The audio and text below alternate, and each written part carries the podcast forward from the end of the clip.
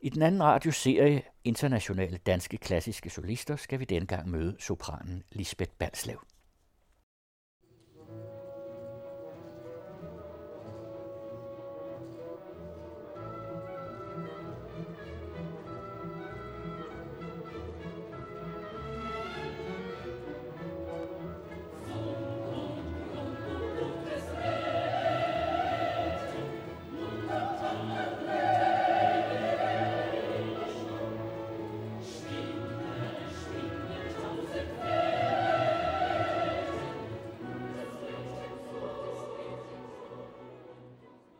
I mange, mange omtaler af dig igennem tiden står der næsten altid, at din første uddannelse var sygeplejerske.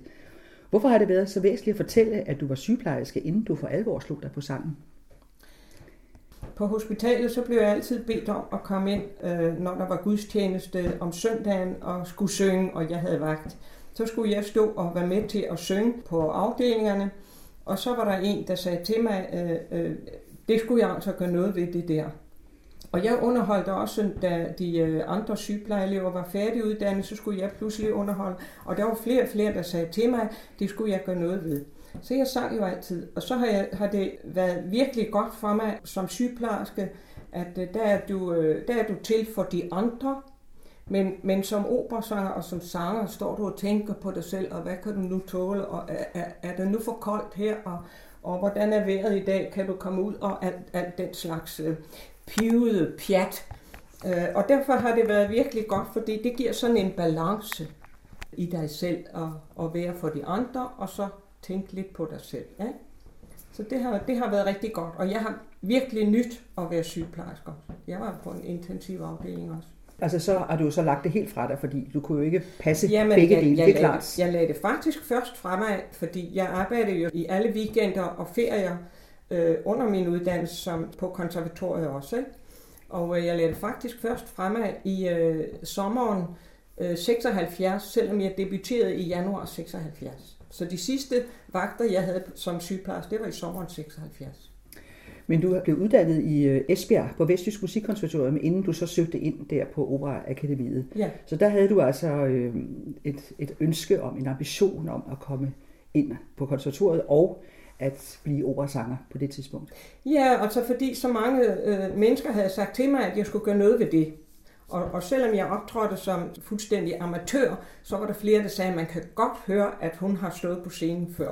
Og så har man jo et eller andet naturligt, som øh, man bør udvikle. Og øh, jeg kom også kun ind på prøve på konservatoriet i Esbjerg, fordi jeg, jeg kunne jo ikke spille klaver, eller det med at lære øh, noder. Du kunne godt synge uden noder jo, og det gjorde jeg jo altid. Jeg har sunget siden jeg var barn. Jeg, jeg underholdt jo også i børnehaven, fordi jeg altid sang. Men det endte jo med, at øh, jeg fulgte bare det løb, som hedder to forskoleår og to hovedskoleår. Ja. Og så sagde de, at jeg skulle prøve øh, operaskolen, og der kom jeg ind med det samme. Ja. Og der var jeg faktisk kun to år. Og der var det jo så det, at der blev du engageret til en hovedrolle i forlængelse af din operaakademi-tid der. Ja. Og det er jo meget usædvanligt, det var det dengang. Ja. Det er næsten umuligt ja. eller uhørt i dag. Ikke? Ja, ja. Det var så Jaros Lange Fyrstigård med Ip Hansen som min mand af, øh, som Fyrstigård. Og øh, ja, de var jo alle sammen øh, professionelle operasanger, men øh, jeg stod åbenbart øh, vældig stærkt der, så det gik jo godt. Det ja, det, fin, jamen det, at du overhovedet, at de, at de piller dig ud af operaakademiet ja, ja, og giver dig ja, en hovedrolle. Men øh, om, om det så har været noget med Harry Kupfer, og det var så Wolfgang Renner, der dirigerede, for de skulle jo acceptere det, ikke? Og så Harry Kupfer har jo så set et eller andet i mig, og, og øh, Ja, det har jo også været med til at bringe mig videre frem. At, at og Heikupfer var ham, der instruerede øh, Det var Heikupfer, ja. der instruerede. Men du blev ikke så længe på det kongelige teater. Hvad skete der der? Ja, der skete jo det, at jeg sang jo flere ting, også Cusci Fantuti, Fio de Ligi og sådan noget. Så havde, og, og jeg sang i, i uh, maj 77, der sang jeg Senta, min allerførste Senta med den gamle John Fransen jo ikke, som var vildt begejstret for min Senta. Og så, så har man jo så hørt det ude omkring, og jeg fik faktisk mange øh, tilbud, som jeg aldrig kunne få overlov til. For hvis nu der som så frem de faldt, den og den var syg, så skulle jeg, selvom jeg ikke havde forestillinger på de tidspunkter, hvor jeg fik tilbud om at komme hjem. Og så tænkte jeg, det, det kan jeg ikke arbejde med det der. Hvis jeg skal være på teateret, så skal jeg have noget at lave, så skal jeg ikke bare stå parat til et eller andet. Så øh, jeg fik jo så Johannes Mikkelsen, som øh, jeg havde arbejdet med sammen med, med min øh, fantastiske sanglærer Vagn Tordal, som, som også mange kender mm. her i, i, ja. i landet. Og, øh, og vi arbejdede faktisk vældig godt sammen i tre år. Og øh, øh, han fik arrangeret, at jeg skulle øh, rundt og synge for med nogle ting. Og øh, det agentur, det fik mig til øh, Bern, hvor jeg skulle synge for om øh, torsdagen med øh, henblik på Elektra Idomeneo.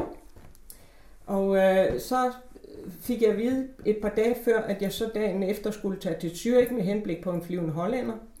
Og det var i øvrigt i maj øh, øh 77, hvor jeg sang min første hollænder i begyndelsen af maj. Da vi så kom til Zürich, så ligger der et telegram, vi skulle omgående ringe til agenturet i München, og øh, så fik jeg at vide, at jeg skulle øh, om lørdagen forbi Bayreuth og synge for med henblik på Senta. Nå, men vi kom til Bern, og, og det klappede. Jeg sang i øvrigt øh, øh, uh, Lucia di Lammemor, hvor Johannes Mikkelsen havde, havde uh, i den store uh, kadence der, i den, hendes store, og jeg havde uh, svunget op til høje F'er, så jeg rigtig kunne blære mig. Og så sang jeg Fidelity og, og så Senta. Det var alt for meget til det, men, men det klappede selvfølgelig. Og Zürich, der sang jeg så også, det klappede. Og så skulle vi så forbi Bayreuth dagen efter, og det var jo meget, øh, vi var dødstrætte. Men øh, da vi kom der, så fik vi at vide, at ja, vi kunne få det der lokale, som vi så lige kunne øve i, og så skulle vi så synge for om søndagen. Så sagde jeg, det kan jeg ikke, fordi jeg har en aftale mandag morgen, og, og vi har fundet ud af, at vi ikke kunne komme til København øh, i løbet af en søndag. Det var dengang. Mm-hmm. Ja, der var helt andre forhold. Med. Nå, men øh, så ville hun lige spørge Wagner Wagner, og så, så fik jeg at vide, okay, så kunne jeg få lov at synge for, når alle de andre havde sunget for. Vi kommer så ned, Johannes og jeg, og øh, jeg kunne så pludselig stå der, og så Johannes sad dybt, dybt, dybt nede, og så da jeg startede med det her, jo, så kunne jeg pludselig mærke den akustik, der var, og så sker der et eller andet, og jeg er sikker på, at de kunne mærke det dernede øh, i salen. Der sad masser af mennesker og skulle øh, høre på og votere. Og så står jeg der og leger. Jeg siger til Wolfgang Wagner, at jeg kunne starte med, inden jeg startede, jeg kunne starte med at synge Fidelity, så jeg lige kunne finde rummet. Så siger han, Mozart, singt man nicht her. Og så siger jeg, nej, nej, men jeg havde kun øh, flyvende hollænder med, for jeg anede ikke, at jeg skulle her forbi, da jeg rejste hjemmefra. Og så siger jeg, at jeg kunne synge balladen, og så kunne jeg synge øh, den øh, første del af duetten uden hollænder, og så kunne jeg så synge det sidste, sagde jeg, foreslog jeg ham, fordi det viser trods alt tre forskellige ting. Jamen det er fint, siger han så, så går han ned. Og så er det, jeg starter med det der og begynder at lege med stemmen, og så har jeg sunget balladen, og så synger jeg halvdelen af duetten uden hollænderen, og så, så siger han, ja tak, siger han så dernede fra salen. Om det var muligt, jeg alligevel kunne synge Fiordelitis, altså Felsenejl, den store klippeejl. Så siger jeg, ja selvfølgelig. Nå, og så sang jeg den, og så kommer han op, og inden han når op på scenen, så siger han, som han ser det, så er det den Senta, de søger. Men han skulle først tale med Harry Kupfer, som skal sætte flyvende hollænder i scene i Bayreuth der i 78. Så kunne jeg fortælle ham, at jeg har arbejdet med Harry Kupfer, så han kender mig godt, for det var Jaroslav Fjustigo, og i øvrigt der også var jeg Blumenmädchen i, i Parsifal i København, hvor også har jeg kunne få sat i scene. Så han kendte mig godt. Og så får jeg at vide, at efter en halv time, så var det helt klappet og klart, og så røg jeg til Bayreuth i 78.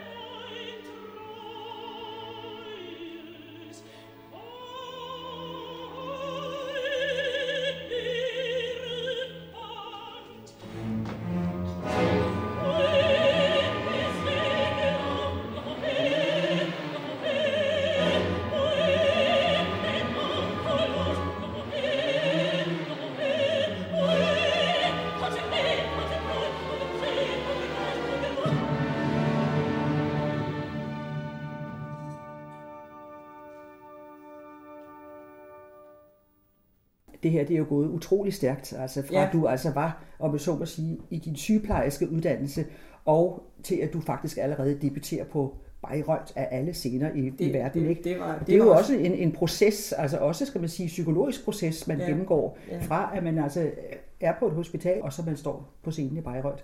Hvordan har den proces været for dig? Jamen, jeg sprang jo ud på det dybe vand, og, og øh, de var fantastisk søde, og Harry Kupfer var fuldstændig vild med det, jeg kunne. Og, og så arbejder man jo om, om, ja, man er jo nærmest hjernevasket, og så er man den figur, Senta der, og, øh, og så, så glider det ligesom helt af sig selv, og, og de andre spiller jo med, og Ja. øh, Ja. men øh, jeg vil så sige, fordi så er der pludselig alt den presse og alt den øh, virak rundt omkring en, og det er altså ikke helt nemt. Men man er jo en spændende figur, og så kommer der og, og cykler oven i købet til øh, Gryne Hygel, ikke? Fra, fra øh, det lille hotel, man bor på, eller sådan noget. Og det, det, der, de fløj jo efter med fotograferne, ikke? På cykel, ikke en center, hvor de andre kommer i deres fine Jaguar, eller hvad? Jamen, det var sjovt. Ja. Men Det var faktisk var, det, sjovt. var det sådan en ambition, der opstod, efter du var kommet på Operakademiet, at du kunne få sådan en international karriere? Jeg kan huske, jeg sagde allerede til Vagn Tordal, da jeg startede på konservatoriet i Esbjerg, siger jeg til ham, om han mener, at det her kan blive til noget, for ellers så kan jeg lige så godt være sygeplejerske. Bum! Så siger han, jamen det mener han. Godt, siger jeg så, så kører vi. Og sådan har jeg været. Og jeg er godt klar over, at jeg har, har, har kørt mit eget løb. Jeg har ikke sådan øh, fuldt pænt som en lille elev. Jeg var jo 25 år dengang og, og havde øh, erfaring som sygeplejerske. Jo. Der skal du jo være øh, moden for at kunne tage vare på patienterne. Ikke? Så jeg mærkede nok forskel på nogle af de andre elever, og så på det, jeg sådan kom med. Og så var tiden jo også knap, så jeg var nødt til at, at, at prioritere. Og så havde jeg jo et lille barn også.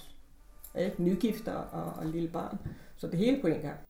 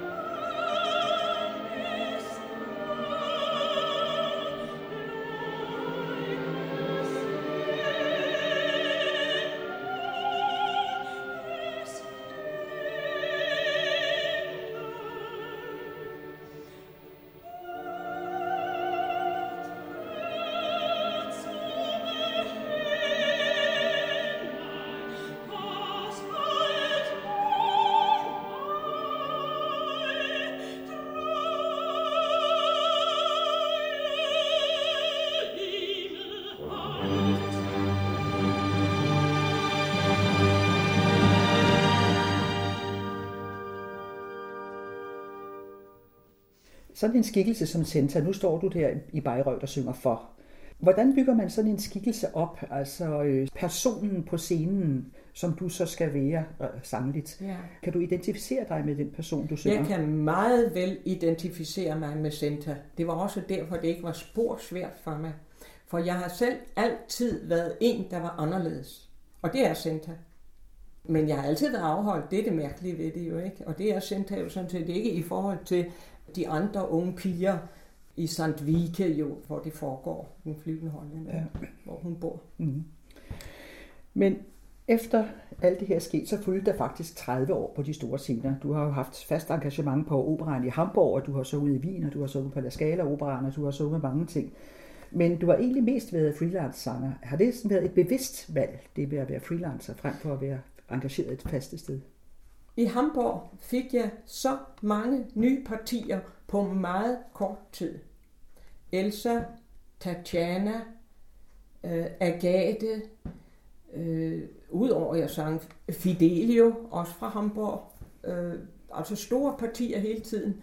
Og så havde man bygget et eller andet op, og der var stadig masser af bud udefra. Så fik jeg mit, mit nummer to barn i 82, jo Rikke er født i 70, og, og, og Rasmus kom i 82. Og så øh, synes jeg, at jeg måtte, måtte skifte lidt fra Hamburg. Der havde jeg jo en lejlighed i Hamburg, og familien blev boende her jo. For Rikke skulle jo i skole, og, og, og så var det synd at rive hende ud af hendes liv her, bare fordi moren havde tænkt sig noget andet, ikke? Og så, øh, da Rasmus kom i 82, og, øh, og jeg havde masser af bud udefra, så tænkte jeg, så flytter jeg hjem til Allerød, og så kører jeg freelance derfra. Så jeg, jeg afskar faktisk mig selv fra at blive ved med at have en kontrakt i Hamburg. Mm. Jeg sagde, jeg sagde, jeg er nødt til at køre på den måde. Så sådan gik det.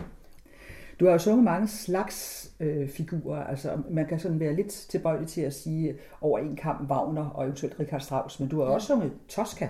Ja, så Tosca, øh, jeg i, så, i, altså Puccini, som også er ja. en anden type stemme. Ja. Er det ikke en anden stemmetype end Wagner? Jo, men jeg tror også, at jeg ikke vil blive engageret som Tosca i Italien for eksempel. Der vil de finde en, der er mere det, som de forventer. Og Tosca har jeg heller ikke sunget så forfærdeligt mange steder. Fordi når først man, man er freelance, så bliver man pillet ud til det, som de mener, øh, det er den stemmetype til de partier. Mm. Ikke? Og ellers er... så tager de dem, de har på teatren, der er fast engageret. Men der sker jo også noget med stemmen med alderen, ikke? Altså, ja, ja. at du måske forlader Mozart og Fiorentini, ja, ja. ikke? Ja, Og så ja. Ja, ja. kommer videre hen Fordi imod. man arbejder sig jo mere dramatisk, hvis, hvis man er dramatiker jo, ikke? Og det har jeg altid været. Og vi var godt klar over, Vagn Tordal og jeg, at jeg skulle den vej hen, fordi Pamina i, i Tryllefløjten, det er ikke rigtig mig. Og du skal prøve at finde de ting, der er, øh, som du kan identificere dig med, sådan så publikum hopper på den, for at sige det sådan, ikke?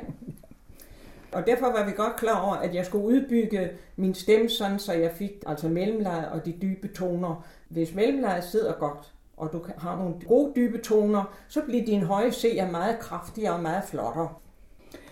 En ting er dirigenten, noget andet er instruktøren på en operascene. Hvor meget får man af instruktøren, og hvor meget kan man gøre selv? For jeg forestiller mig, at en instruktør kan lokke mere ud af en selv, end man egentlig troede, man havde. Jamen det er jo sådan set også det, som, øh, som skete med Heiko for. Ikke? At øh, jeg kan godt huske, at jeg var hammerende vred på ham en gang i, i, omkring Jaroslavner i, i Fyrstikker, fordi øh, han tvang noget ud af mig, så, så jeg kan godt huske, at, at tårerne drillede, og jeg var men af altså raseri nærmest. Ikke? Og, og han blev bare ved. Det vidste han jo godt, han kunne ved mig, og så bliver det en, en, en udmærket Jaroslavner, og, og det vidste han jo godt, inden han så siger ja til, til Bayreuth, at han kunne hive alle de ting ud af mig. Og det er jo en fin evne at have, at kunne se, hvad det er, et menneske indeholder, fordi det er jo så det, Haiku for os har kunnet. Og det var faktisk også mere, end du troede, du kunne. Jamen, det er det jo. Men man skal også have mod til at gå lidt over der, hvor man selv mener, man har grænsen, ikke? Jeg regner med hele vejen igennem, at du har haft en agent, som har sørget for dine engagementer. Ikke? Du har vel ikke Ja. kørt det selv? Nej, jeg havde øh, i München, og det startede jo allerede med forsøgningen i Bern der, mm. som jeg snakker om. Ikke? Og dem havde du haft hele i mange år. Ja, dem, der, ja, det øh, bureau havde jeg så. Øh, Den første døde så, og så overtog den, den unge, der var på byrådet dengang. Mm. Nu har du jo sunget en del på den jyske opera i Aarhus også.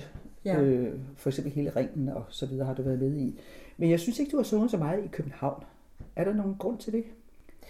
Nej, jeg, jeg har da sunget øh, Tosca, jeg har da sunget Salome, øh, Kundrig Parsifal, Mm. jeg har da sunget Ortrud, hvad jo nok ikke rigtig var mit, men øh, den har jeg da sunget i København. Så du føler ikke, at du er blevet forfordelt med hensyn til roller i København? Jamen, jeg er jo så travlt, så, så det tænkte jeg ikke over. Nej. Det har jeg ikke selv tænkt over, at, at, øh, at de godt kunne øh, ringe efter mig, fordi jeg havde jo så meget selv rundt omkring og alle vejene. Og jeg, jeg, jeg kunne godt lide at være ude. Og, og, og øh, jeg må sige, det at, at være ude, så skulle jeg jo ikke, så, så, så havde jeg tid til at tænke på mig selv, når jeg var hjemme. Og hvis jeg skulle synge i København, så havde jeg jo familien, jeg også skulle tage mig af, og det kunne godt give lidt mere uro i mit sind jo, ikke? Ja. Så jeg har sådan set nyt at, at, at være rigtig meget væk.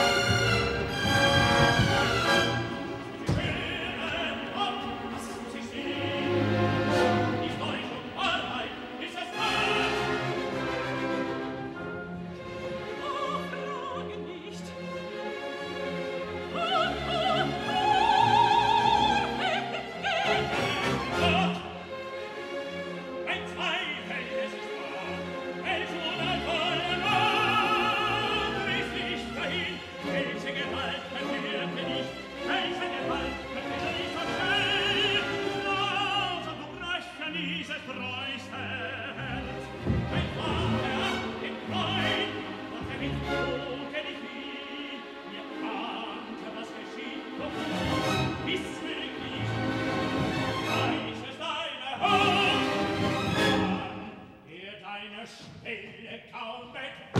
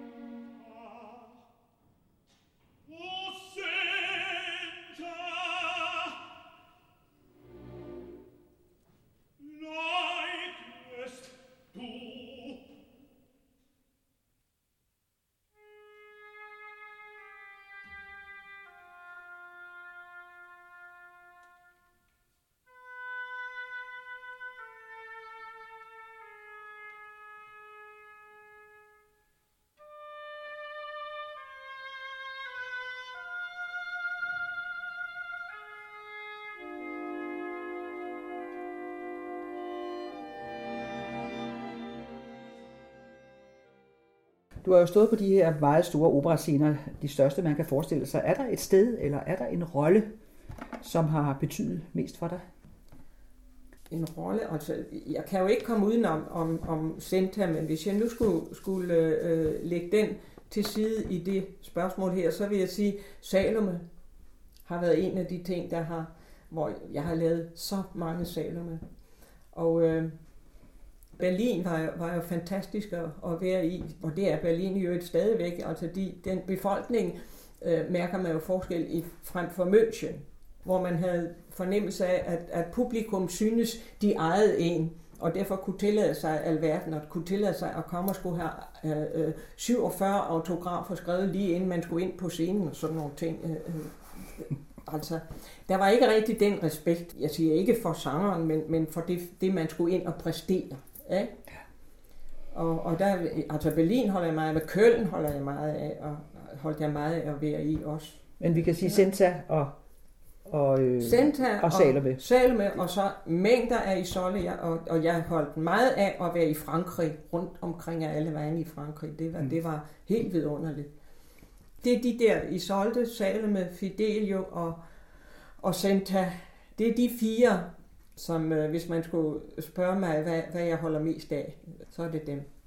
Jeg har jo ikke kun sunget Tosca, jeg har jo også sunget øh, øh, Elisabeth i Don Carlos. Jeg har sunget Leonore i Troubadouren. Den sang jeg også på det kongelige Ja, teater. du har sunget Verdi også simpelthen. Ja. ja, det har jeg. Ja, ja. Og, og Leonore i Troubadouren sang jeg på dansk i København. Og det sang jeg på, på italiensk i Hamburg.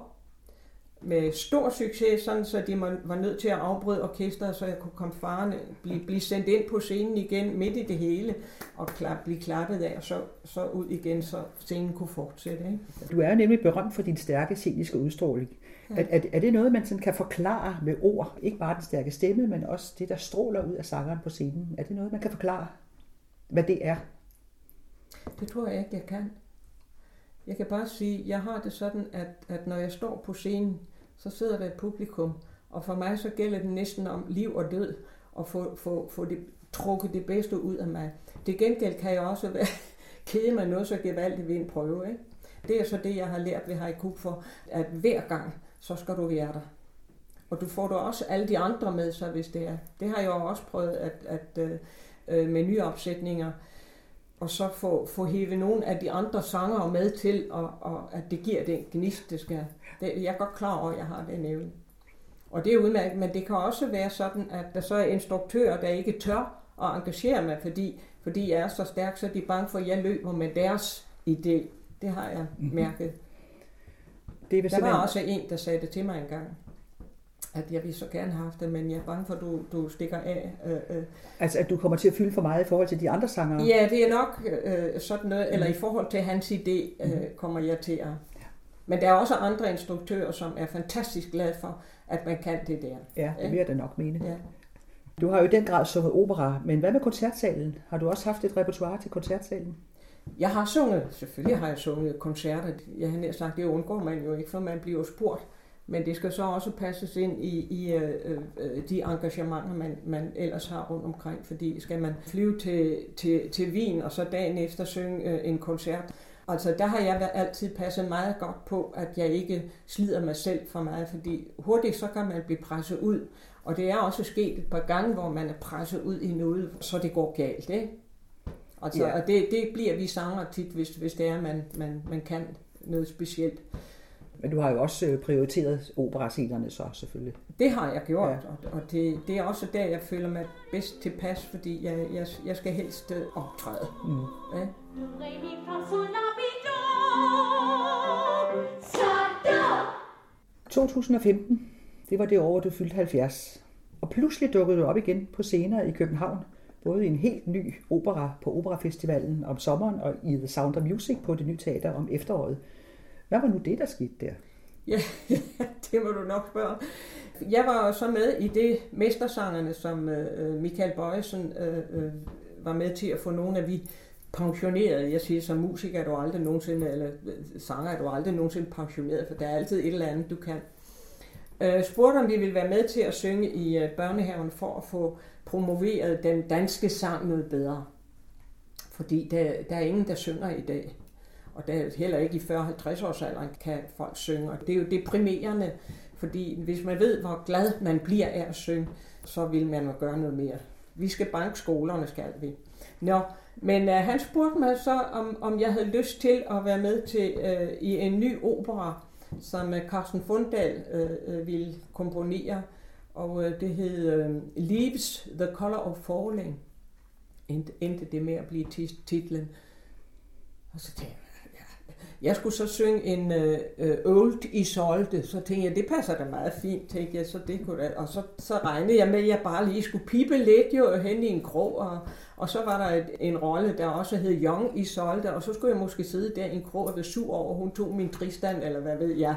Det var, det var sådan det, jeg får Men jeg havde en... Uh, Carsten Fundal herude, og vi snakkede om tingene, og, og jeg sang for ham, og han ville gerne have hvad og så skulle han så komponere jo en stor ejer til mig. Og så, øh, nå ja, så endte det. Og så, så ender det jo pludselig med, at, at uh, dernede i Københavns Kommunehospitals atomkælder skulle det hele foregå, og det var jo en hel sommer i, i uden sol. Det blev med Christian Lollicke som instruktør. Der var jo ikke et rigtigt orkester med, vel? Det var... Øh, Nej, jamen, det var jo øh, alle mulige mærkelige instrumenter, altså, som jeg ikke var vant til. Og det var også lidt svært, kan jeg huske i starten, at, at finde ud af, hvad i alverden, hvad skal jeg holde mig til? Fordi opera, der vidste du lige nøjagtigt, hvad du skulle holde dig til her. Og, og meget skiftende takter har der, og, og jeg var ved at blive vanvittig på et tidspunkt. Men øh, de var enormt søde, og de var, jeg kunne jo være deres mor og, og mormor og farmor alle sammen jo ikke, og de var så søde. De var fuldstændig vilde med det, jeg, jeg overhovedet kunne lave der som 70 år. Mm. Så, så det morede mig faktisk. Det var sådan et fantastisk team, at vi, det, det var næsten en stor forelskelse os alle imellem om, omkring det job der. Ja. Og så siger jeg pludselig øh, under prøven, for Christian Dolke er sådan en, der arbejder, han kan finde på at rette sådan lige inden man skal ind på scenen til premieren eller sådan noget. Det er helt fint jo også. Man skal bare lige huske, at man skal have det hele med sig. Så siger han på et tidspunkt, jeg kunne godt tænke mig, hvis, hvis Lisbeth kunne komme kravlende ind på knæ med, med, øh, ved, ved sin ejer der. Nå, okay. Og jeg har aldrig sagt, men jeg har faktisk artrose i det ene, i det ene knæ, men det har jeg aldrig fortalt nogen. Nå, jeg gjorde det. Og øh, så skulle jeg jo så kigge folk i øjnene, når jeg sang, sådan fuldstændig og, og fixere dem. Og det var meget grænseoverskridende, men øh, publikum var jo, var jo vildt begejstret mm. for det der. Og også, det var også uhyggeligt, synes publikum jo. Mm. Og det var jo dejligt. Men I har optrådt med det en gang til her for nylig? Ja, vi var, vi var, så skulle vi til, til Brygge. Vi, vi var også i Aarhus med den som, så, og, og førte en koncertant, men, men der prøvede vi at lave noget, noget scenisk også, og i kostymerne. I Brygge lavede vi, lavede vi den så koncertant, og det var også mægtig spændende, altså publikum var rigtig glade, selvom vi, vi, vi står der og, og skriger og råber til sidst der, så, så råber de, det er jo helt vildt. Det er også et, et helt anderledes publikum, der kommer til sådan noget musik, ikke? Men det er det vel også med The Sound of Music. Lige pludselig er du med i, i en musical på det nye teater. Ja, det må du nok sige, fordi øh, der havde øh, Daniel Bohr så læst om, at hvad Søren siger han så, hun synger endnu, og der havde vi ikke arbejdet sammen i 40 år. Og så ringer han til mig, hvor jeg troede, jeg havde fri nu og skulle ud og nyde det gode vejr. Og, og så siger han, øh, øh Lisbeth, vi, Tina var syg, øh, og, og måtte først synge i en gang i november. Og nu står vi der og har 26 forestillinger, som vi ikke vidste, hvad vi skulle gøre ved. Og kunne du ikke, og sådan noget, så aner jeg ikke, jeg, jeg, jeg, jeg kender jo ikke partiet, jeg har aldrig pillet ved musical før heller, og, men øh, nu skal jeg, jeg er ikke afvisende, men jeg vil gerne have hele noget materiale så. Og så sendte de det, da, da jeg så kom hjem fra rejse, så, så fik jeg noget materiale, og kiggede det igennem, og, og så siger jeg, så er det den der Climb Every Mountain, og det er jo en dejlig art. Og der må du jo godt have en operastemme. Og det må også godt være en ældre operastemme. Der sker jo det med, med stemmerne, at øh, når man er ældre, så har den ikke den fleksibilitet, som, som den havde for eksempel ved Nattens Dronning. Og det må den også godt have i en abbedisse. Ja. Men så siger jeg, men, øh, men øh, jeg vil at uh, synge for jer, så, og så skal I sige jeres mening, for det er ikke for mig om at gøre. Og så sagde de god for det, uh, Per, dirigenten og, og Daniel Bor, og, og så, så kører jeg ud af. Ja. Og så er det, jeg giver, hvad jeg har ja. i sådan noget. Ikke? For så er det alvor. Men der var jo meget talt tekst også, og det var jo også uvandt for mig. Og så må jeg så tale med den talestemme, jeg har. Så øh, der var jo lidt autoritet i, så, så det kunne de godt lide, de andre. Det er en meget trist periode, vi har i øjeblikket, hvor regeringen sker så groft alle steder, og i den grad også på musiklivet. Det er ikke til at bære. Mm. Nu har det kongelige teater lige fået øh, en stor portion penge fra Mærsk McKinney Møller til de næste fire år, så det hjælper vel lidt på det. Men hvordan tror du, det vil gå? Tror du, operaen og det klassiske koncertliv vil overleve? Jeg tror, det overlever.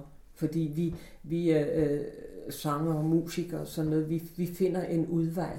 Det er vi simpelthen nødt til. Det er jo vores liv. Så, så på en eller anden måde skal det nok overleve. Men der sker jo nok så ikke de helt store, fantastiske ting, for det, det koster jo.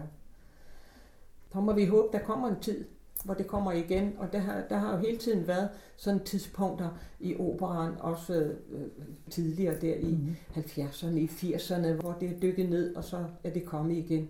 Så jeg tror, det kommer igen. Altså, det dukker op igen, helt sikkert. Du startede dit voksenliv som sygeplejerske, inden du kastede dig over sangen, og i de senere mange år har du så været meget optaget af noget humanitært, i øvrigt sammen med din mand. Vil du fortælle lidt om, om det, I har beskæftiget jer med de senere mange år? Ja, det er Rumænisk projekt, det er 1992. At det hedder 92 er fordi, øh, øh, det var i 90, han Reintoft gennem Møderhjælpen, der var nede i Rumænien efter Ceausescu's fald i, i julen 89. Og så kom hun hjem og talte om de børn, og vi så jo masser af billeder fra de børnehjem, hvordan de havde det. Og vi meldte os til, min mand og jeg. Øh, vi fik så to piger på 11 og 13 år, som vi havde øh, heroppe i sommerferien, øh, de sommerferier, vi havde, for, jeg var jo også i Aarhus, så havde vi dem bare med der i sommerhus, eller hvor det var. Og de var sådan en 14 dage, tre uger hos os hver sommer.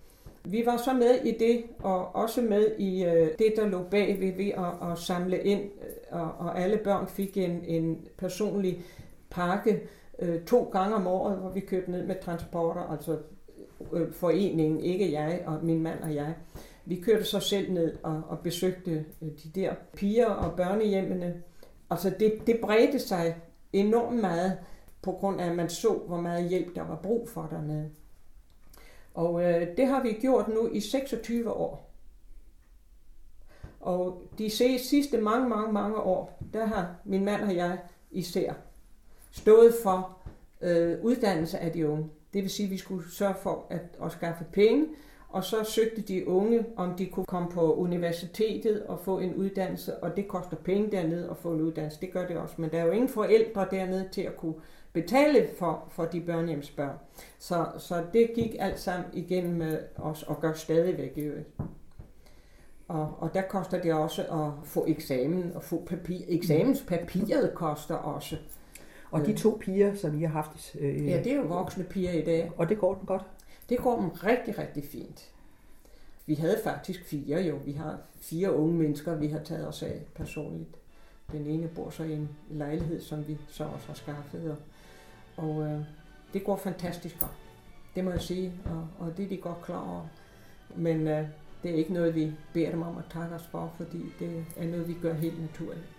Men det har været dejligt at kende dem også, og gøre det stadigvæk, fordi vi besøger dem jo en gang imellem.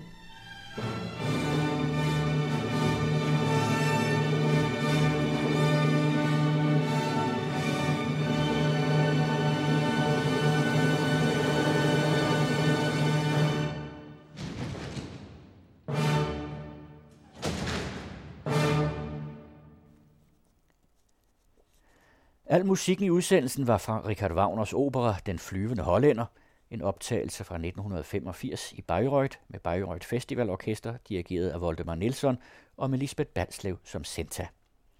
I duetten mellem Senta og Erik hører de Robert Schunk. Det er Kirsten Røn, der tilrettelægger serien Internationale Danske Klassiske Solister.